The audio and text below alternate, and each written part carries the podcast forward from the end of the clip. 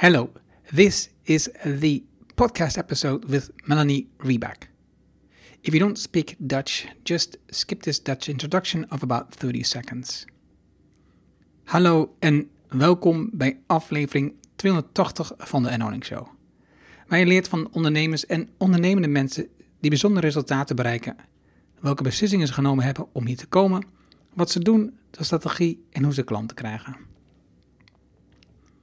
Mijn naam is Arno Hanning en ik deel mijn opgedane kennis, ervaringen en expertise met jou. Ik coach ondernemers zodat ze stap voor stap de juiste beslissingen nemen om uiteindelijk een gezonde groeimotor te creëren, zodat de onderneming vanzelf loopt. Hiervoor gebruik ik mijn ervaring met meer dan duizend klanten die met exact dezelfde issues zitten. Vandaag het gesprek met Melanie Reback. Dr. Melanie Reback is de CEO co founder of Radically Open Security, the world's first non-profit computer security consultancy company. She is also a former assistant professor of computer science at the Free University of Amsterdam, who performed RFID security research that attracted worldwide press coverage and won several awards. Melanie worked as a senior engineering manager on XenClient at Citrix, where she led their Vancouver office. She was also the head researcher in the CSIRT at ING Bank, where she spearheaded their analysis lab and the ING Core Threat Intelligence Project. For fun, she co founded the Dutch Girl Geek Dinner in 2008. In the episode of Making Good Money on Tegenlicht, which is a Dutch program, I learned about legal constructions for setting up a company that limits profit extraction by shareholders or owners. That is where I learned about Melanie and her company, and I wanted to learn more about it. Melanie shares lots of information on the structure of her business, profits, and post growth entrepreneurship. It was an interesting conversation, and I learned about different ways of setting up your company that isn't all about growth and profit extraction. Enjoy the insights with Melanie. Let's get started.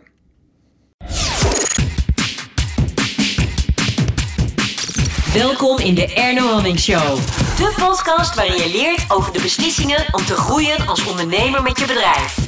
Luister naar de persoonlijke verhalen van succesvolle ondernemers en ondernemende mensen. Dan nu jouw business coach Erno Hannink. Today, I have with me in the podcast Melanie Rieback. Welcome, Melanie. Hi. And you are the founder and CEO of Radically Open Security. Yeah, that's correct.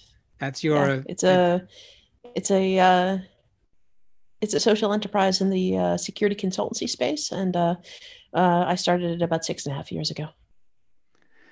And now, with how many people do you work now in the company? Uh, yeah, there's roughly 40 of us. And we've had, uh, I would say, over 100 customers. Uh, we have done work for, uh, yeah, um, I mean, Dutch Ministry of Health. Uh, recently, uh, we were in the news uh, with our security audit work on the Corona Melder. Uh, we've also done uh, some uh, COVID uh, contact tracing uh, security audits for the European Commission, uh, also on several other national apps, as well as for the Google Apple um, exposure notification API. So that's pretty cool.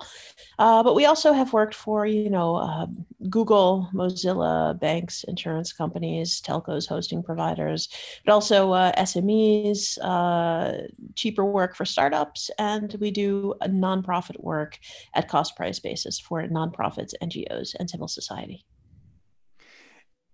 It's just amazing. How do you get to this in only seven? Uh, in only uh, six and a half years. Six, yeah, yeah. uh, yeah. Um, you know, I we just uh, we've put a lot of attention on uh, quality and sort of doing the right things for the right reasons, uh, openness and transparency. I also mentioned that we're a social enterprise. Uh, we actually are, furthermore, what we would call a not for profit company. So we actually give our uh, profits to charity, uh, which is kind of unique. Uh, so we've given over 250,000 euros uh, to the NLNet Foundation. And yeah, for the rest, just uh, yeah, I mean, it's it's been a really good, you know, value proposition. Uh, a lot of folks like our values. It's it's just gone really well. When you started your business, how did you came up with those values? Yeah, so uh, when I first started Radically Open Security, I uh, had um, I was working in the cybercrime team at ING Bank, and we uh, were working with several of the uh, market leaders in the security consultancy space in the Netherlands, and we had some incidents and some of those folks kind of parachuted in. They were like okay you know we're the experts just stand back. We're going to fix everything for you and give you a large bill you know and report at the end. And i was just like all right cool but you know it, if you guys are so elite i can probably learn a whole bunch from you. So you know would you mind if i uh, watch along with what you're doing? Because you know it's my job to make the security of the bank better um, they uh, were not impressed by my desire to watch along with them. They told me, "Oh, but you know, security is hard," and I'm just like, "Okay, well, I used to be an assistant professor of computer science, specialized in computer security, so why don't you try me?" you know. And eventually, the only way that I was actually able to see what they were doing was to physically stand next to them and look over their shoulder because that was the only way they couldn't get rid of me. uh, you know, and sure enough, they were using exactly the same open source tool tools as everybody. But the thing was, they didn't actually want you knowing that uh, because you know they were trying to cultivate a dependence uh, of the customers uh, upon them. And well, to be fair, they were actually quite successful at doing this uh, as well. Um, I was not impressed. and it turns out a whole lot of other people also aren't. Uh, you know, I'd asked around at the time with other banks, but also with, you know, some government entities like, you know, do you like being treated like this? And universally, the answer was, well, no, we don't like it, but what's the alternative? You know, uh, around the same time, also there was a huge discussion in the uh, hacker community about uh, ethics uh, with uh, security companies. Uh, one of the market leaders in the, the Netherlands also was doing things like building surveillance systems that got sold to developing countries. And then when the hacker community asked them to stop, did they stop? No, they just sold that part of the company. So you know, so there was really this anyway this this really big discussion that was happening in the Dutch hacker community. So I kind of put two and two two together and said, okay, well, the ethical hackers aren't happy, you know, and also the customers aren't happy. So, you know, if you ask me, there's a there's a hole in the market. So that's when I decided to leave ING Bank to start Radically Open Security. And um, yeah, ever ever since then, I mean, you know, kind of the rest is history. But uh, you know, I, I wanted to make uh, Radically Open Security really different, um, but I didn't know how. So I went to Michiel Leenaars, uh, who's a friend of mine uh, from the NLNet Foundation. And I said to him, Michiel, you know, I, I, want to make a completely different kind of security company, but I just have no idea how to do that because it's one thing to say you're different, but it's a whole nother thing to actually be different. And he said, Well, you know, Melanie, there's this really elegant construction from the Dutch church so um, it, there's this thing called the so occasionally a um, a, com- a church wants to do a commercial spin-off you know whether it's a you know some brownie bake or something else you know they want to raise some money and they want that money to go with a tax benefit back to the church again um, this is called a uh, fiscal fundraising institution in Dutch a fiscaal fondswervende instelling. Now, a famous example of this in the Netherlands is the Ley Institute Regina Caeli, uh, otherwise known as the Nonnen van Vught, the Nuns of Vught. And, and it's a famous uh, language institution that was started by these nuns. It's excellent quality. I mean, the, our queen uh, in the Netherlands, you know, learned her Dutch at this language institute, and then all of the profits go back to the nuns. So that's that's the relationship of these things. So we kind of figured, well, we can make uh, our so-called commercial spin-off a security consultancy company and we can make our church the NLNet Foundation. Um, so essentially, you know, Mich- Michiel said, you know, oh, so you know, you want to give all your profits to us, and I was like, yeah, wow, fantastic idea. So, you know, so once once he'd suggested this, it, didn't let go of me. And you know, and I the more I thought about the concept of building a not-for-profit company, you know, it gripped me. And I just realized that this is just weird enough that I, I, I absolutely had to try it. So I went back to my other co-founders and told them, oh, and by the way, you know, we're going to be giving our profits to the NLNet Foundation. At which point they were a little bit surprised, you know, by that announcement. But once, uh, you know, but once I explained it to them, it actually made perfect sense. So you know, uh, and and and that's sort of been the cool thing because what I've discovered discovered from you know running a company that gives all of its profits to charity is that when you decouple profit motive from uh, uh, from business, then it really allows you to kind of re-envision a business itself as you know kind of a v- vehicle for pure positive impact. You know and that's sort of how i've attempted you know these last uh, six and a half years to run the company so yeah and it's just turned out that this whole formula has been really very attractive i mean both for uh, idealistic staff members as well as for uh, you know like-minded customers and, and that's part of what's been uh, behind our growth because uh, the weird thing for me looking at you is this you're an american um, you were born in america you were raised in america you studied in america mm-hmm. and the american um, economics model is a is a different than what you are just using now for your own business because profit is everything. Building your own business, mm-hmm. becoming big, um, independent, growing it even bigger and bigger, billions and trillions. That's all important mm-hmm. uh, in in in society, not just in America, but you know, mm-hmm. in in in the modern world. Why yeah. is it that you wanted? Be, I know you said I wanted to do something different, but why is it you choose n- not to um, build a company for your own profit?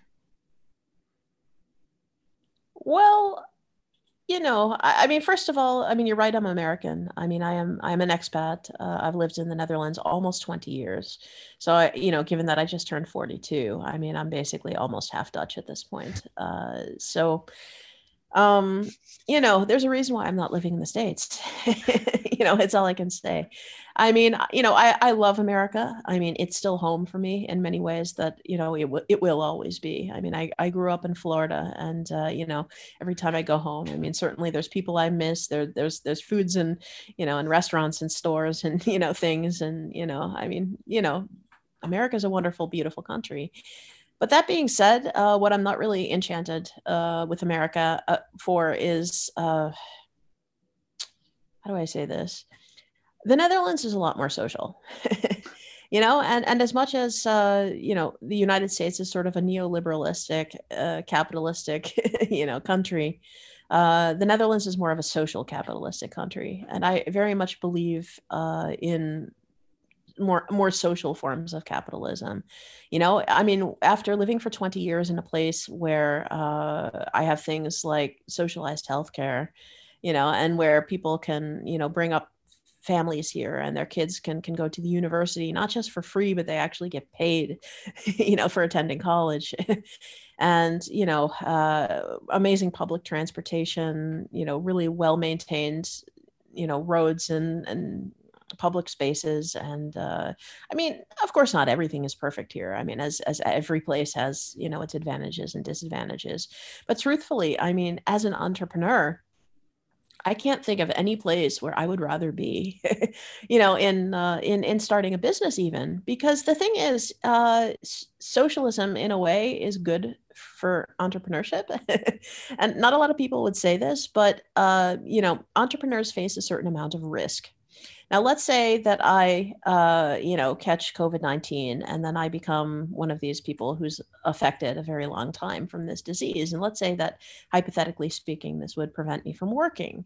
You know, as an entrepreneur, uh, you know, if I were in the States and I were to have this happen to me, I mean, first of all, I would probably, you know, I, I would probably go bankrupt because I mean, as soon as you get sick, I mean, of course, the actual costs of uh, of healthcare, even if you have insurance, you know, because I've had a number of people who were who were insured but got slapped with just abnormal and ridiculous, you know, medical fees. You know, and on top of that, I mean, there's no social safety net really. I mean, it's uh, it's just scary. Whereas, you know, if I take the entrepreneurial risk here in the Netherlands and something goes wrong, then you know I know that my health care is covered. You know, and I know that uh, you know there's uh, you know uh, I, I, there's basically an entire welfare system, you know, that can continue to support me. And it just as an entrepreneur, that is far less scary. so, you know, I mean, as much as there are some advantages, uh, you know, in Silicon Valley and, and New York City and, and some of the more, uh, you know, the larger cities, in the states i mean i think also here in amsterdam uh, where i live we've also got a really amazing you know entrepreneurship ecosystem we've got a really great uh, tech community. We've got a really amazing, but we've also got, you know, art and culture. Uh, we've got, I mean, you know, in a way, Amsterdam is sort of like the the San Francisco of Europe. so, I mean, there's so many different things, you know, to love about it here. You know, plus all the ways in which our country is doing it right, just quite simply because we're not wasting a whole bunch of money on things like, uh, I don't know, defense and and really huge armies. So, anyway. the the um, the, the question I'm having because you talk about socialism, and you see that some companies have these um, larger companies in the world have these postbox companies in the Netherlands, right? So to paying taxes somewhere else. Um, so how how does the tax work in the um, structure that you've chosen?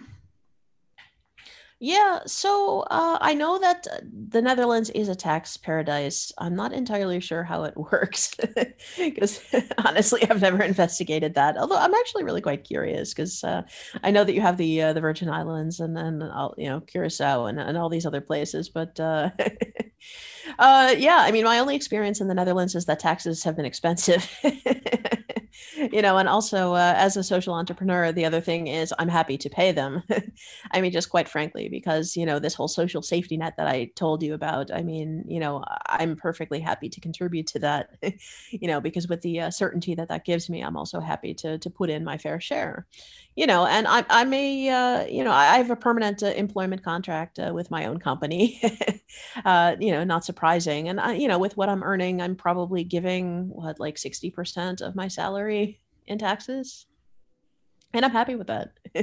You know i mean honestly i would i wouldn't have it be any other way because you know i know that that money is getting spent in the best possible ways you know and in in providing for everybody. So i mean that's sort of my uh, you know opinion about uh, about taxes and companies. I mean we should try to to not get out of them uh, because you know any any tax any company that's avoiding paying taxes is really shirking its uh its its social duties you know?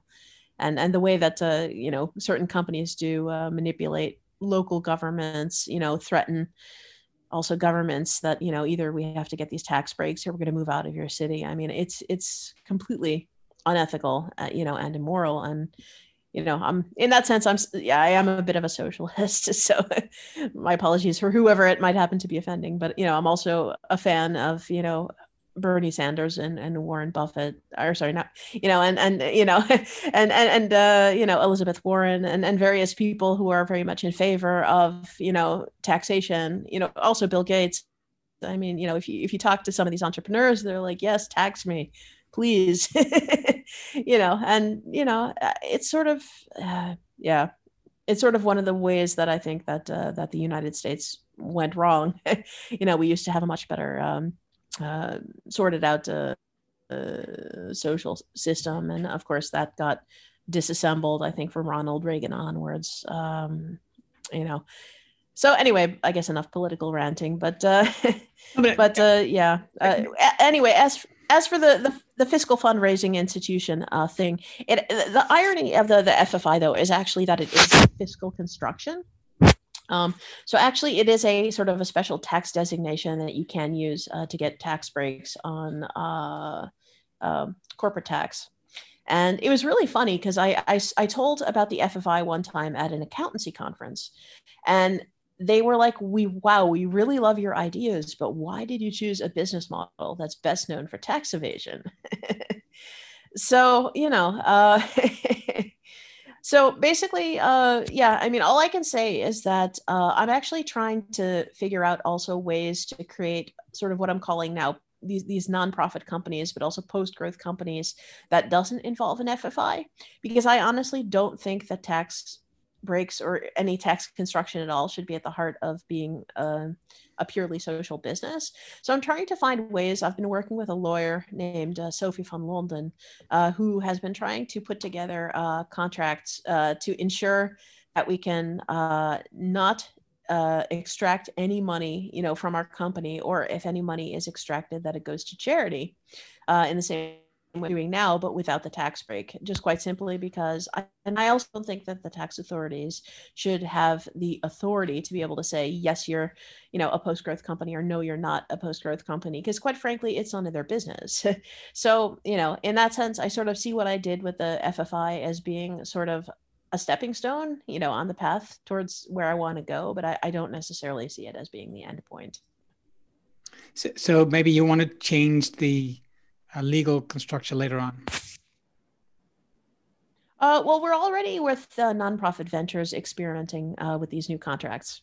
Right. Um, so you know, and we're basically working, looking for uh, different legal constructions. Uh, we're, we're, still basically using a combination of a uh, what we call in Dutch a stichting and, and a BV. So basically, a sort of like half foundation, half company, and uh, the the foundation owns all of the shares of the company. And uh, basically, you can put some uh, restrictions into companies using the statutes uh, and also putting your mission in there because that's uh, one place where you can actually enforce it. Uh, you can also use shareholder agreements, ironically enough, to say that you shouldn't have any shareholders.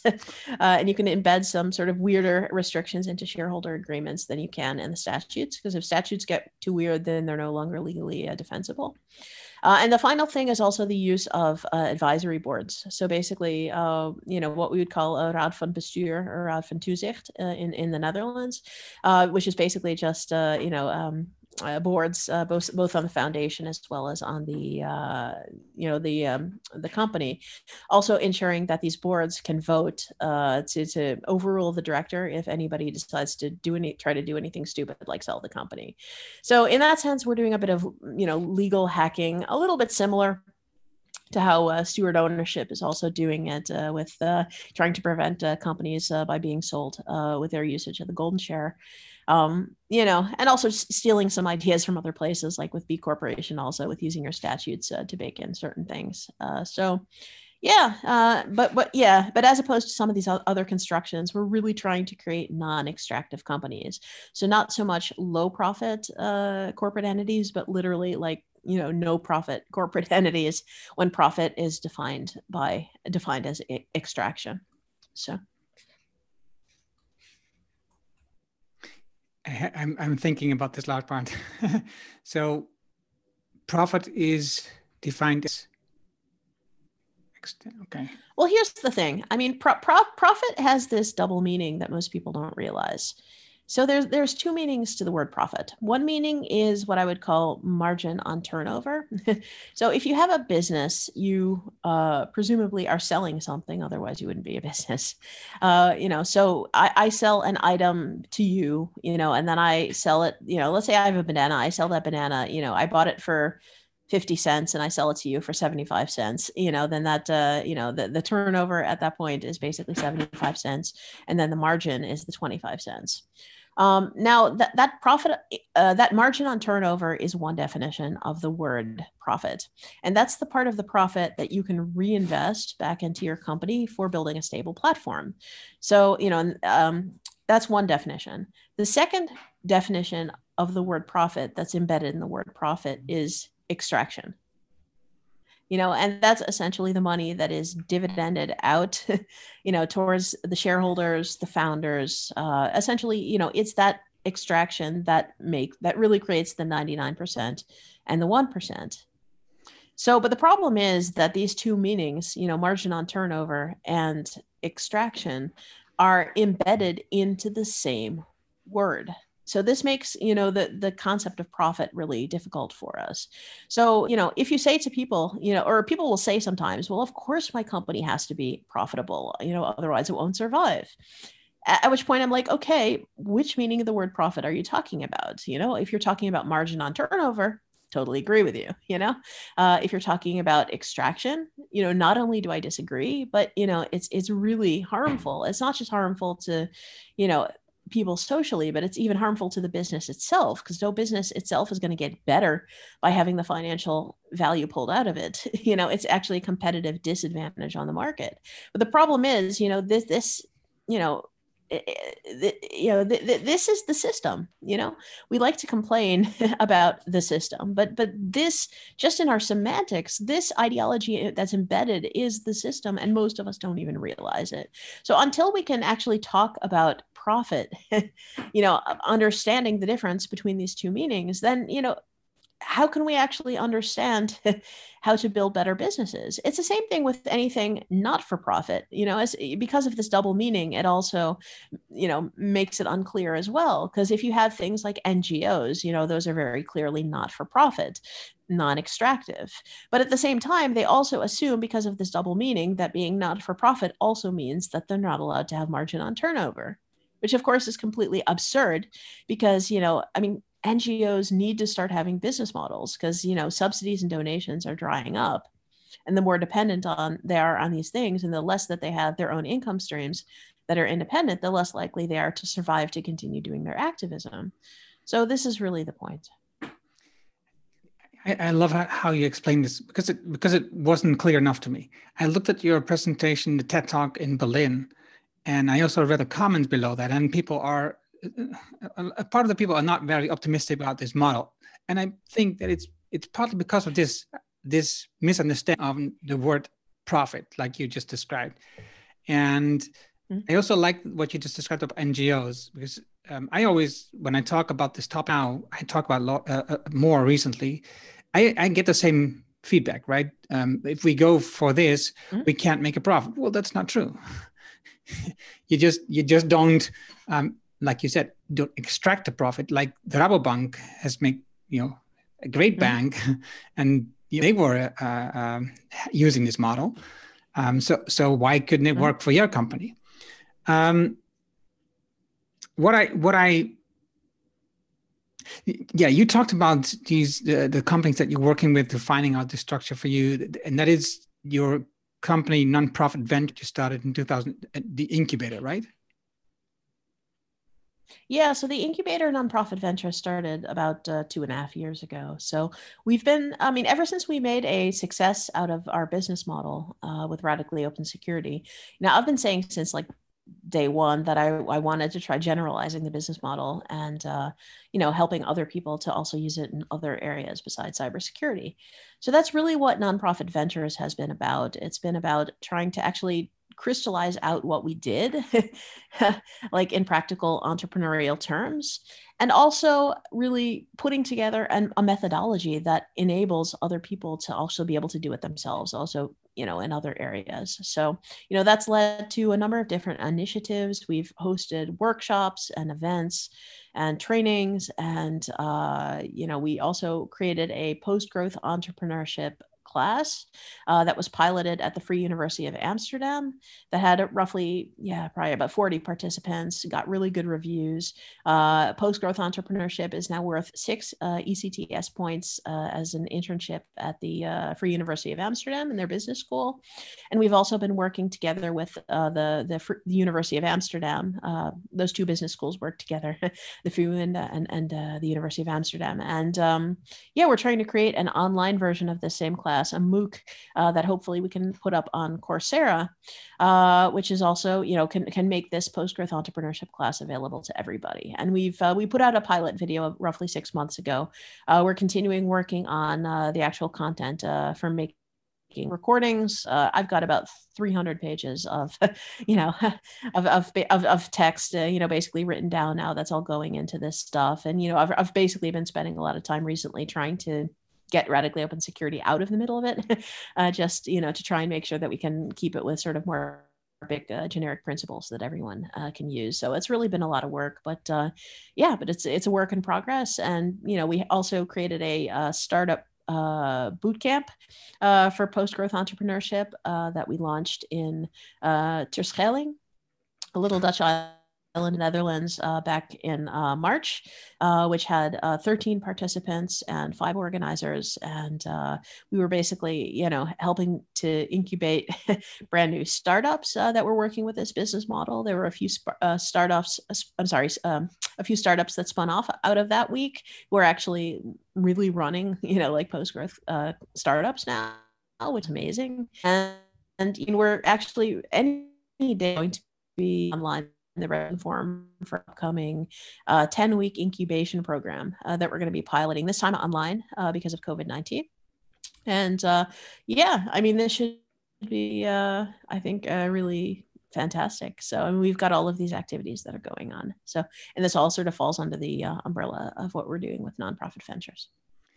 And to me, it sounds a lot like um, a similar ideology you have with um, your own business, it, it, it kind of like you treat it like an open source. You experiment with this idea, you build up your own business, then you um, have this incubators and you teach people so that you, instead of just, okay, this is my knowledge and I, I, I protect it, it's just me, I will sell the courses. No, you are really sharing it so that everybody can use this and, and work for it. I, I, I just love that idea. I just had to say that. yeah. Well, I mean, you know, uh, price is a barrier to entry of the adoption of whatever it is that you're creating. so, I mean, I see no reason to put artificial barriers to entry on what I'm creating. and that's the thing. I mean, I'm trying to come up with business models that can support all of this. You know, I mean, for the uh, pilot courses and all the work that I'm doing, uh, at, you know, at the universities, that's all for free. You know, I'm not getting paid anything, you know, for any of this that I'm doing. Uh, similarly, also uh, with, uh, you know, the um, startup bootcamp we actually made it uh, with a business model so that the participants were able to uh, participate for free. And we had one company that bought a corporate seat that basically mostly covered the cost of the event. Um, you know basically enabling the majority of people to participate free but then having one company use it as a corporate training which basically you know uh, supports uh, you know the event and keeps uh, keeps it financially viable. Um, I'm really aiming to do that. I mean, I, I'm working right now on a manuscript that I'm hoping eventually, you know, to turn into a book. And, you know, all of this stuff I want to be released for free. I want to be creative commons uh, you know in the same way that uh, you know some people with big ideas you know uh, look look at charles eisenstein you know and the amazing uh, work he's done you know also with you know he puts out all of his uh, his books you know eh, very much you know with a gift economy mindset and that uh, you know anyone can download the materials for free they're welcome to make a donation if they like but but by and large you know he's just trying to make sure that nobody eh, has any kind of barrier you know from reading his stuff same thing also with frederic laloux and uh, reinventing organizations. He also makes his uh, his books available uh, on a donation basis. For me, I don't even necessarily need a donation. I mean, honestly, the co- my security company is uh, covering the costs of all of this stuff, and you know, nonprofit ventures and radically open security are sort of in a beneficial symbiotic relationship with each other. You know the the work that i'm doing with giving all of this stuff away for free uh, with nonprofit ventures this you know is bringing a lot of attention to to what i'm doing and to myself and also to radically open security you know, I mean, for example, we recently got on a Dutch uh, documentary program called uh, Tegenlicht, uh, Backlight, uh, you know, because of mm, basically they came to film at this post growth startup bootcamp uh, that we did in Terschelling. I don't know how many people watch tegenlicht, but it's it's a whole lot of people because after it aired, I got all kinds of you know comments and, and contacts from different people. Uh, some of those contacts were people saying, "Oh, you but you you have a security company. That's that's fantastic. We would like to buy you know a penetration test from you or some other security service." So, the truthfully speaking, you know, by giving it away for free, we're really getting a maximum reach. You know, in a way, it's sort of almost kind of like marketing. I mean, I don't look at it that cynically, but I mean, it really actually is really awesome business development. And given that we sell uh, security services, things like penetration tests, one pen test typically costs between six to twelve thousand euros. I don't have to sell that many pen tests, you know, to make up for the costs of, you know, all the time and effort that I'm putting into, you know, the post growth entrepreneurship stuff. So in in in in essence, it's sort of a weird kind of marketing, uh, but at the same time, you know, it's also completely related to what I'm doing, and you know, it's just totally symbiotic. So it's kind of using my activism, you know, to support my company, but then also using my company to pay for the activism. So, yeah. There's two things. I have a question, but I also like to say that uh, what about this because you talk about activism, um, and you also in the, in the in the in the TED talk you talk about art and uh, more things that you can do with your business. I like that because um, you see too many companies um, they have a basis of subsidies to fund these ideas instead of having a valuable, a good business model behind it. And that's what I like about your up, your setup mm-hmm. is is I have a business model behind it, and they um, support each other. They they they actually improve each other's um, uh, value. Yeah, I like that a lot. Yeah. The question that I'm having is how do you, with all this going on, div- divide your time uh, in both, not both, in all these jobs? Yeah. Um, yeah, I mean, I think that, uh, I mean, radically open security is my job and post growth entrepreneurship and NPV is my uh, nonprofit ventures is my hobby. so, I mean, I definitely do put more time into radically open security just because uh, it's paying my bills. Uh, that being said, I mean, I really, really enjoy what I'm doing with uh, with uh, post growth entrepreneurship. So, I mean, I do put a whole lot of time into it, and you know, I mean, I do take uh, some time off uh, for myself, uh, you know, evenings and weekends and like that. But but occasionally, you know, I mean, I just yeah. The other thing also is that ever since the pandemic and the lockdown, you know, I'm able to also do a lot more things a lot more efficiently. Um, I, of course, uh, I do miss travel, you know, as many of us do. um, but at the same time, uh, you know, not having to physically go somewhere is, you know, in super efficient. So, you know, I mean, a lot of times now, you know, I can have, you know, sort of, you know, three three meetings you know just uh, on you know zoom or whatever and then i can you know have a podcast recording with you you know, which lasts, you know, an hour, hour and a half. And then after that, then I can go, you know, do something else. And, and that's really fantastic because I mean, it used to be that I kind of always had to leave the house and, you know, there was sort of travel time and commute time, or I went to a conference. You know, I, I gave a uh, talk uh, at a Swiss event uh, last week, you know, from my living room, which, okay, I mean, it's not the same. And granted, it's decimated the hallway track, which I, I do miss sometimes. but uh, you know, but but on on the flip side of that, I mean, you know, uh, I, I am able to sort of squeeze so many things in nowadays. Plus, you know, like added benefits of like you getting to see my cat yeah cat. so you know and then you know it's uh, so so we make do of what we can you know uh, I, I i like the idea um, about the difference between like the, the, the, traditional startup setup, like you divided it in three its capital, exponential growth, and exit. Mm-hmm. And yes. how you um, don't like the situation, but also uh, agree that it's it's it's not a good way to sustain as um, society, as a as um, you know uh, the world, as uh, everything that we do. it, it, it's in just like like you said, an organism is also at some point it's it's growing really hard, but it's it, but then it flattens off, and it, it's not meant to grow forever. A tree doesn't grow into the sky forever. It just like you said, in the species, it, it sprouts of new trees. So, um, but isn't it scary um, for these people? Don't you meet people that are just very skeptical about like a flat economic growth idea? Yeah, of course. I mean, I think the majority of the people in the world are skeptical, but that's fine. I mean, I, don't need to convince everybody, you know, and I don't need to win everybody over uh, you know, I, I mostly preach to my own choir, you know, because uh, at the end of the day, you know, if we want to make things happen, it always needs to start with the so called coalition of the willing. you know, I mean, we need to start out with the folks that already agree with us and with the folks that believe in what we're saying, because, you know, it requires a small number of people to serve as examples you know, and a small number of people to serve as role models, you know, and that's the thing. And and you know, with nonprofit ventures uh, and with some of the events that we're putting on and the kinds of people who participate, you know, in our uh, startup boot camp, for example, I mean, they are already oftentimes very social minded. They're already social entrepreneurs, or they're working for NGOs, or you know, they're just sort of hippie types who you know are are sick of the corporate life and who, who think there's something different. You know, there's a lot of people out there that are like that you know?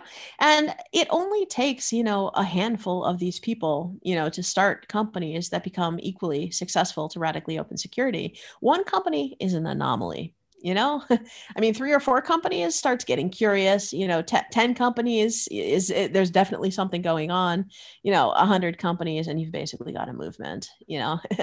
I mean of the size that it's going to start getting taught you know also in in more conservative places. So that's the thing you know and the other thing also is that uh, we are entrepreneurs so we are creating the employment opportunities for other people.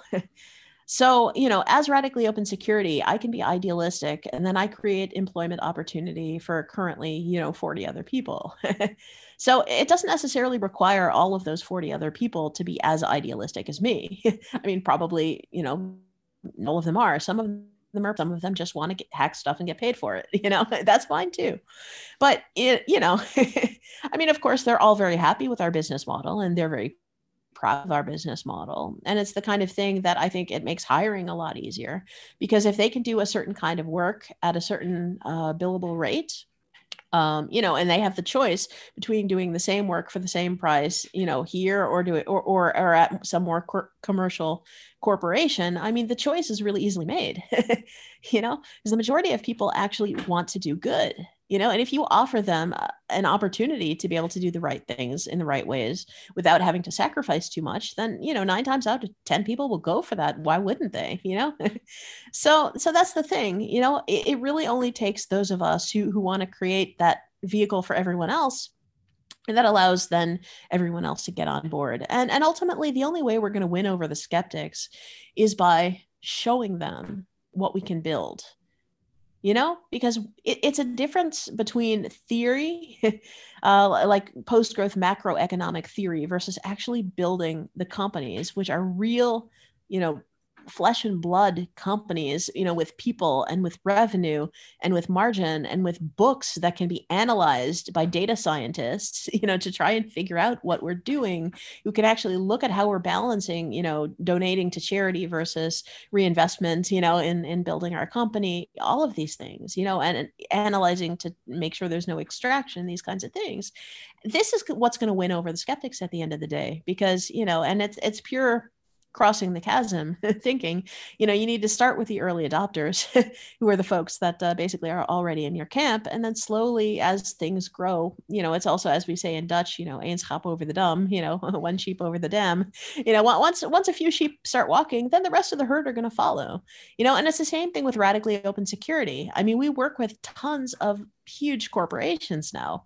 You know they don't necessarily all work with us because of our business model rather they you know they work with us because we're good you know and because we have really good stuff that's very well able to hack things very effectively you know plus the openness and the transparency and you know when we're more or less the same price as the as the competition.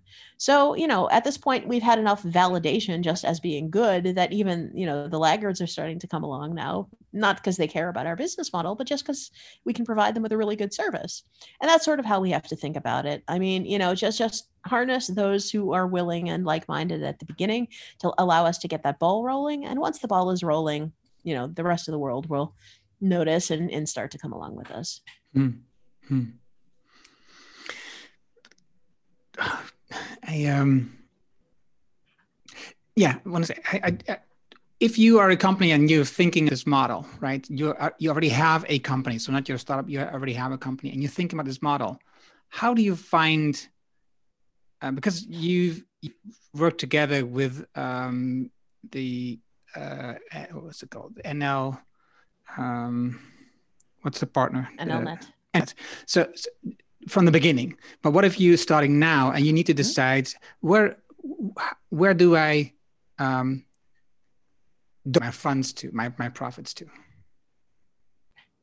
Mm-hmm. Um, I think that some companies can make that switch easier than others.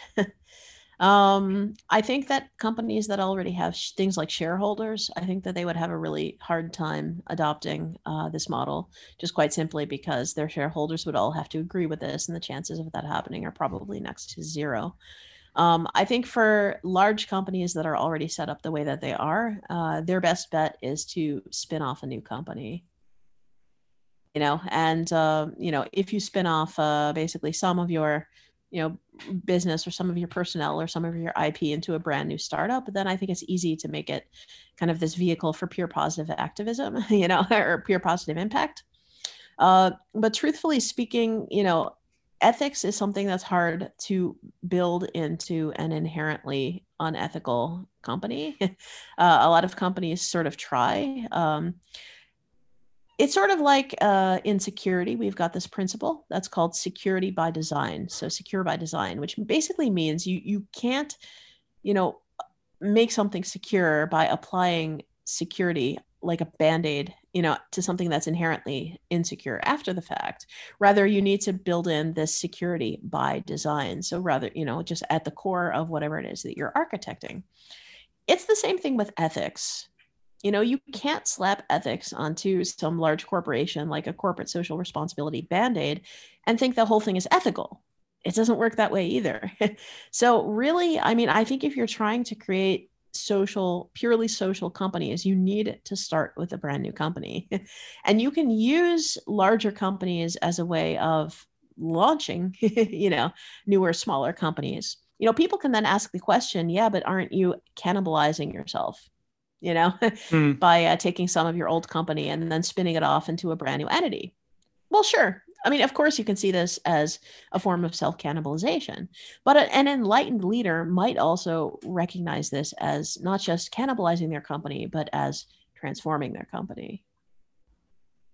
Is is the B Corp a kind of like just mentioned, like slapping on ethics on an existing company? Um. So B Corp uh, is usually um, trying to put the mission into their statutes. In other words, uh, so they're basically trying to make sure that they can be held accountable for the entire triple bottom line. Uh, also, B corporations are audited by the company B Lab uh, that also ensure that uh, this uh, triple bottom line is being taken into account. Um, I kind of have mixed feelings about B Corps uh, because on the one hand, I think that uh, you know a lot of people who start B Corps are doing it for the right reasons. I mean, there's certainly a lot of really great B Corps out there, like you know Patagonia, uh, that are really trying to set a, an amazing example. I mean, their CEO a while back had uh, changed the mission statement of the entire company to basically change them from a clothing company that did things that were good, you know, for the environment. He basically turned them into an environmental activistic organization that also happens to make clothing, you know, and that sort of sent all of Patagonia into a complete and total tailspin, you know, have, where, where they needed to start asking themselves, okay, but well, what does this mean if we're actually environmental activism first, and you know, should we even be selling clothing anymore, you know? So it led to this uh, this soul searching you know but but i mean yvon made that change uh you know because he realized that the b corp as an as a as an as a you know entity well not so much an entity but as a uh sorry my cat's being funny here um so yeah so this uh yeah so the b corp basically doesn't really put enough belts and braces uh, to prevent you from really being able to extract uh, from a company uh, if you want to. Of course there's countless cases of uh, b corporations being sold.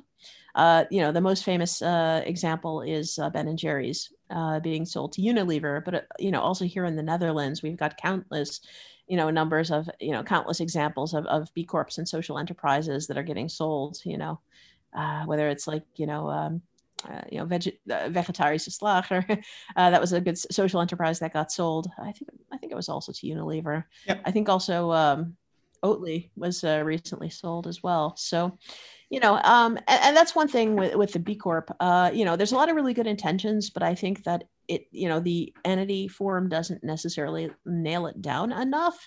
So again it makes it low extraction but not no extraction. It's the same thing also with steward owned uh, companies. I think you know i'm also you know, I, I'm in contact with the, the, you know the folks who started it, and I think you know again really awesome intentions. I think the work that they've been doing with trying to also come up with legal constructions to prevent you from selling the company like you know with the purpose foundation and the golden share. I think this is really awesome.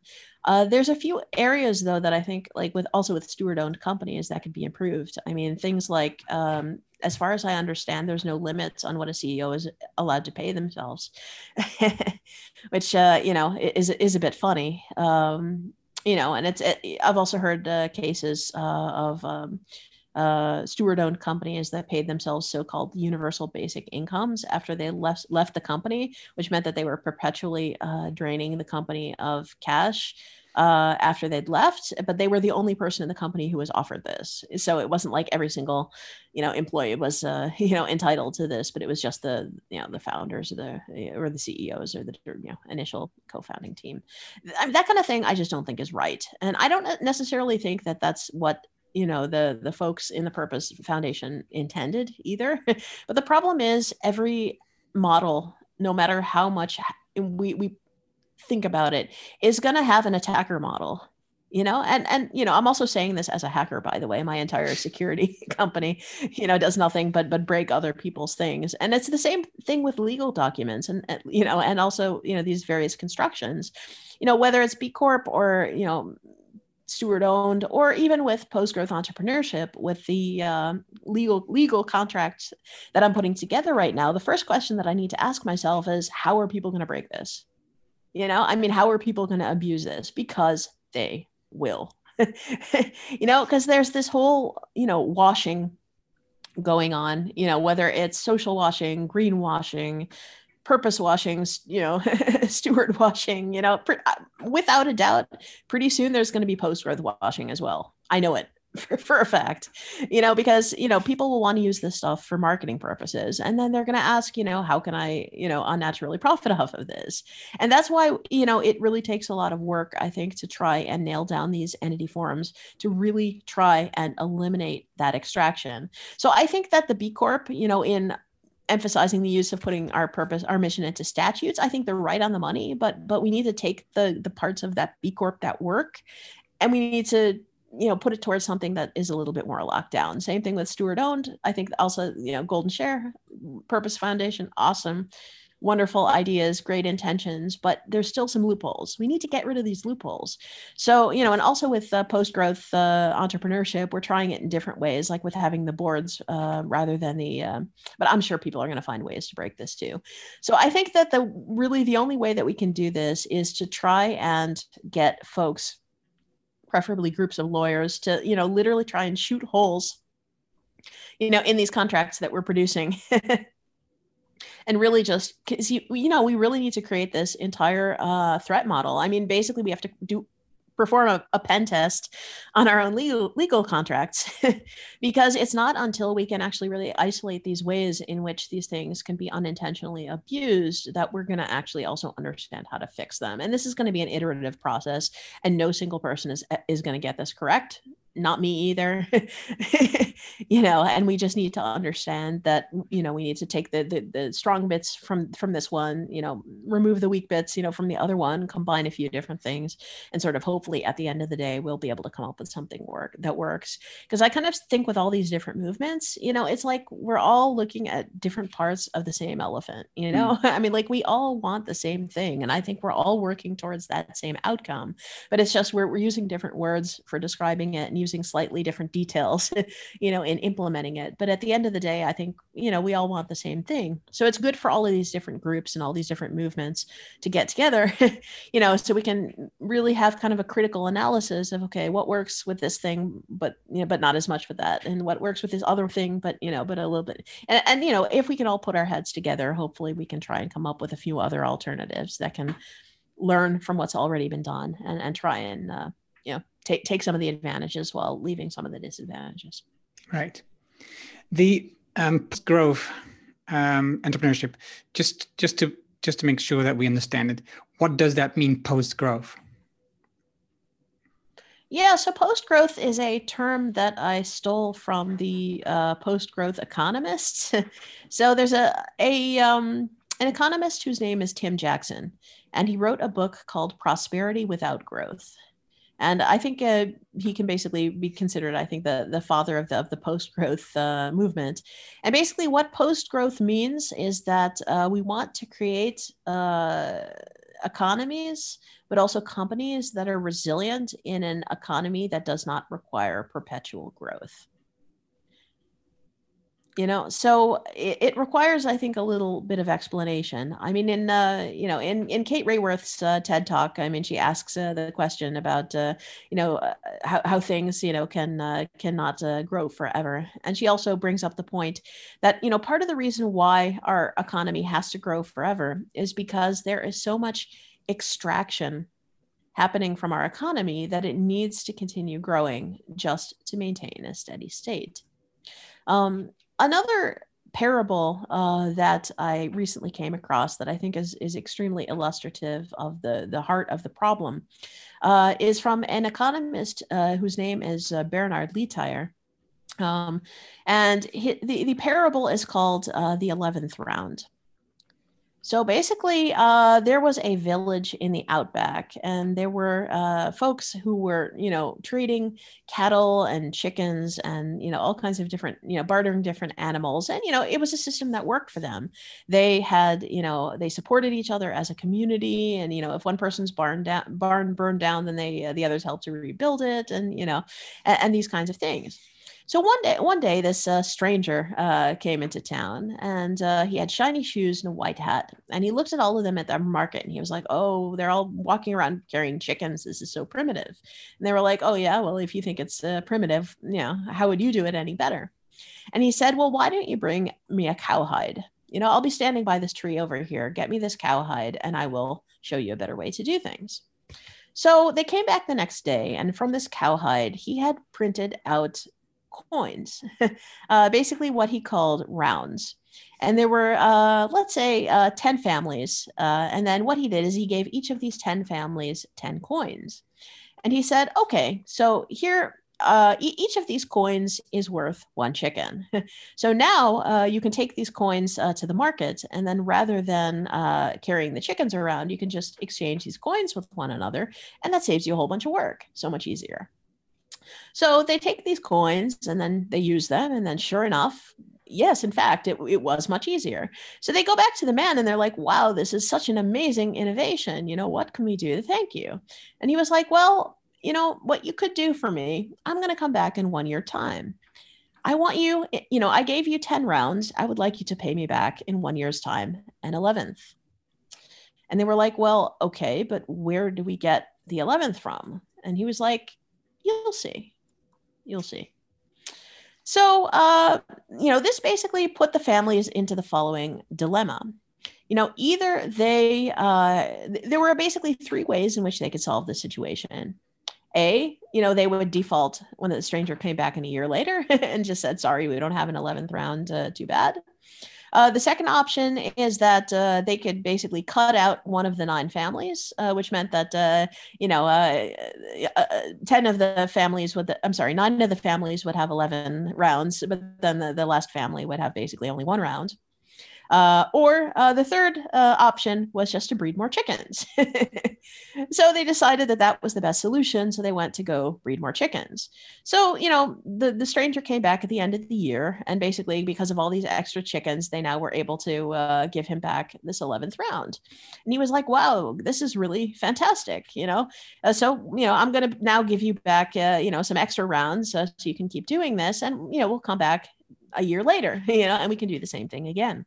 So after a couple of years of this, what wound up happening was that, uh, you know, all of a sudden there were chickens everywhere you know because they kept breeding these chickens you know so they they could keep being able to pay this stranger back. And pretty soon everyone was like yeah but you know we don't want any more chickens. Like we're sick of eating chicken and we've got these feather pillows already and we don't need any more of it. And you know they're leaving chicken poop everywhere and yeah this is starting to cause real problems So uh, basically, uh, you know, what what the effect of this was was that first of all, um, you know, the fact this what what the stranger was doing in the system is he was introducing extraction into the system. In other words, it's also basically uh, interest bearing debt. You know? In other words usury. You know as it's uh, as it's uh, called in the bible which is actually quite funny because you know if we talk uh, like in my ted talk i was talking about business as a form of spirituality. It actually turns out that interest carrying debt is actually a sin in the majority of our major religions. So i mean if you look i mean like islamic banks for example you know put really strict limits on the amount of interest that uh, that they're allowed to charge. Uh, same thing with uh, jesus throwing the money lenders out of the temple you know uh, the money changers because they were uh, charging again you know interest uh, basically on these transactions. You know and and and as they say in the bible you know the love of money is the root of all evil. So you know this starts to to sort of raise some questions also about what we're doing with the whole practice of using money to breed more money you know? I mean biblically speaking this is like the worst thing that there there is which starts to you know probably cause us to ask questions about some of our business models whether we're talking about vcs or landlords or you know or, or situations like that where we most certainly our entire our entire economy is about using capital to breed more capital. But you know but anyway but but the point is that uh extraction is the original sin of business. Yeah. Wow. Um, I think I should just close this episode now. it was such a good story, and um, the ending is so uh, clear. Um, thank you, Melanie. It was uh, great sure. learning from you. It was great um, getting ideas of how we could do this, how I could do this, how could how people could do this with their company, and learn from you and follow you. Where is it people can learn more about this topic and about your business? Yeah, so uh, folks can learn more about uh, my business, Radically Open Security, at radicallyopenSecurity.com. Um, they uh, folks can also learn a bit more about me. Uh, you can feel free to, to, connect with me on LinkedIn. Uh, so Melanie Rieback is my name, and uh, just feel free to connect with me there. Uh, Nonprofit Ventures also has a, a, LinkedIn group where we post uh, announcements for upcoming events. So anyone who wants to participate in upcoming events can feel free to you know join that group and, and get looped in. Another thing also is that most of our materials that are currently publicly available are available at uh, postgrowthentrepreneurship.com. So uh, the TEDx video, but also we've got uh, six hours of uh, workshop videos uh, that I had taught at uh, the Free University. They're a little bit older now. I've got uh, some new materials.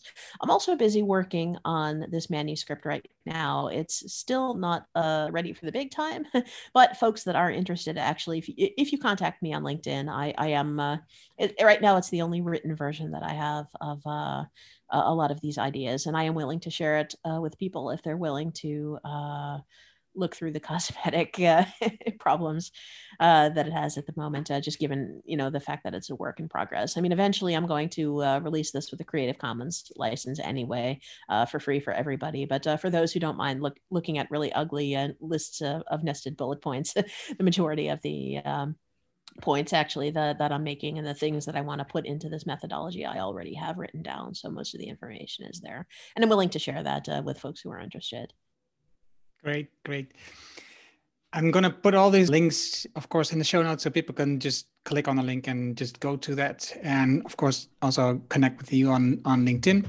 Um, again, thank you very much, Melanie, and hope to talk to you in the future. Okay, well, thank you so much. Dat was het gave gesprek met Melanie. Je vindt de namen en links die we noemden in het artikel dat bij deze uitzending hoort. Ga daarvoor naar ernohanning.nl slash show 280. Wil je vanzelf de volgende afleveringen van deze podcast op jouw telefoon? Heb je een iPhone? Dan zit daar standaard de Apple Podcast app op. Open die app, zoek de Erno Hanning Show op en klik op abonneer. Heb je een Android-telefoon? Installeer dan eerst bijvoorbeeld de Player FM app. Open deze app, zoek de Erno Show op en klik op abonneer. Dankjewel alvast. Heb je vragen, opmerkingen, reacties over deze aflevering met Melanie? of over de podcast in het algemeen?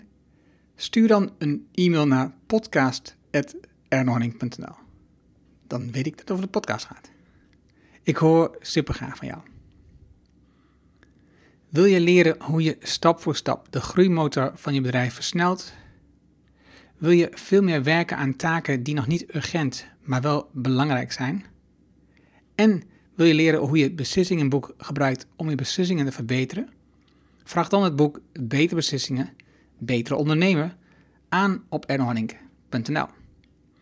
Dit is mijn nieuwste boek en je downloadt het hem daarom helemaal gratis. Je hebt zelfs geen e-mailadres nodig. Wil je de papieren versie van dit boek? Dat kan ook. Je betaalt dan alleen de verzendkosten. Omdat het mijn nieuwste boek is, kun je het nu nog gratis downloaden. Vraag het daarom nu aan op ernohanning.nl. Je leest het in één avondtijd. Dankjewel voor het luisteren en graag tot de volgende. Dankjewel voor het luisteren naar de Erno Hanning Show op ernohanning.nl.